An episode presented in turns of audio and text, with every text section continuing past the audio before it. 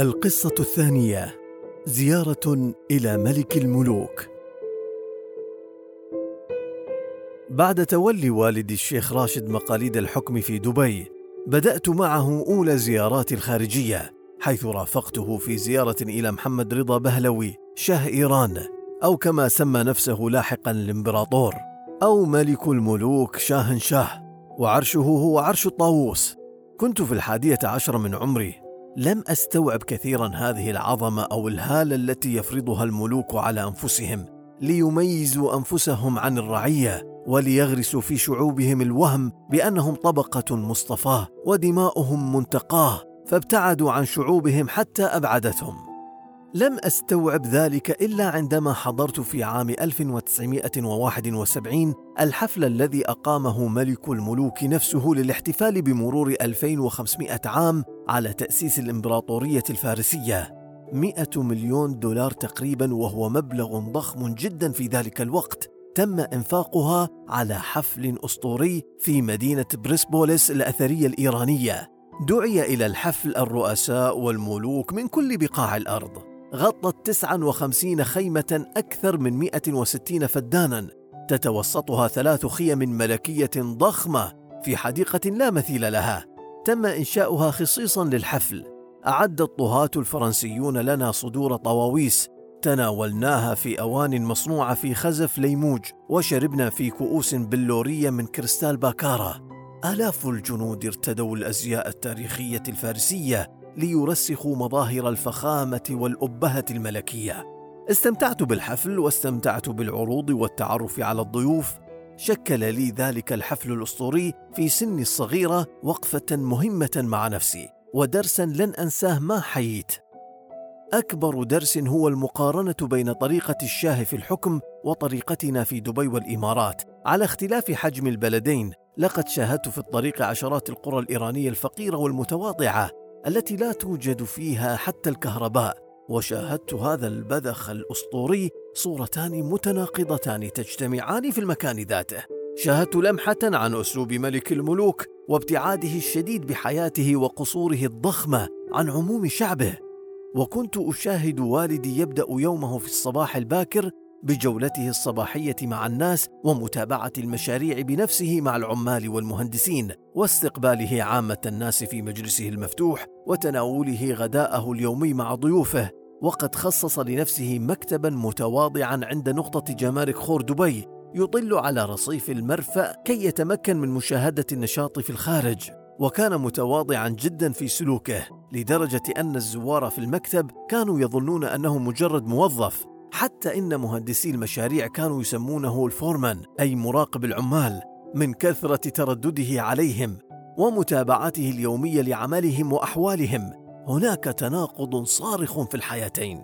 بطبيعة الحال كانت علاقة والدي مع الشاه جيدة وزاره في مناسبات عديدة وقد عاد علينا ذلك بنفع كبير لكن المفارقة التي لم تغب عن فكري بعد الحفل هي أنني لم أكن لأتخيل ابدا الشيخ راشد يجلس على عرش طاووس ويضع تاجا على رأسه لأنه أبعد ما يكون عن ذلك وهو أقرب للفطرة والبساطة وأقرب للناس. نعم السر في القرب من الناس هذا هو أكبر درس.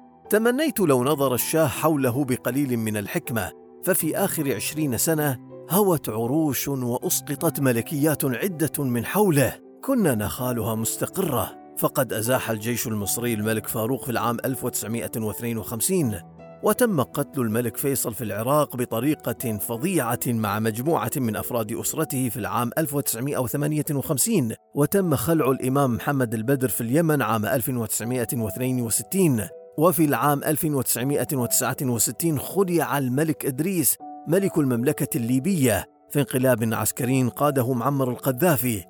تغيرات سريعة مرت بها الشعوب لم ينتبه لها ملك الملوك معتمدا على الدعم البريطاني والأمريكي له وليس على دعم شعبه وتأييد الناس له لأنه كان بعيدا عنهم مشغولا بقصوره ومتابعة أسلوب حياته.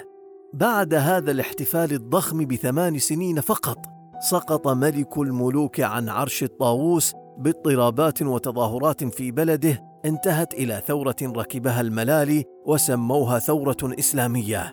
غادر الشاه بلاده ليحل ضيفا ثقيلا على بعض الدول فيما رفضت العديد من الدول الأخرى بما فيها معظم دول أوروبا استقباله قبل أن ينتهي به المطاف في مصر.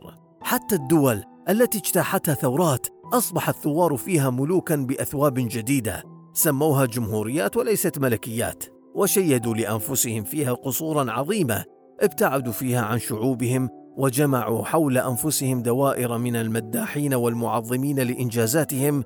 حدثتهم في عام 2004 قلت لهم جئتم بثورات لشعوبكم فأكملوا ثوراتكم في الاقتصاد والبناء والتعمير وتوفير الحياة الكريمة لهم.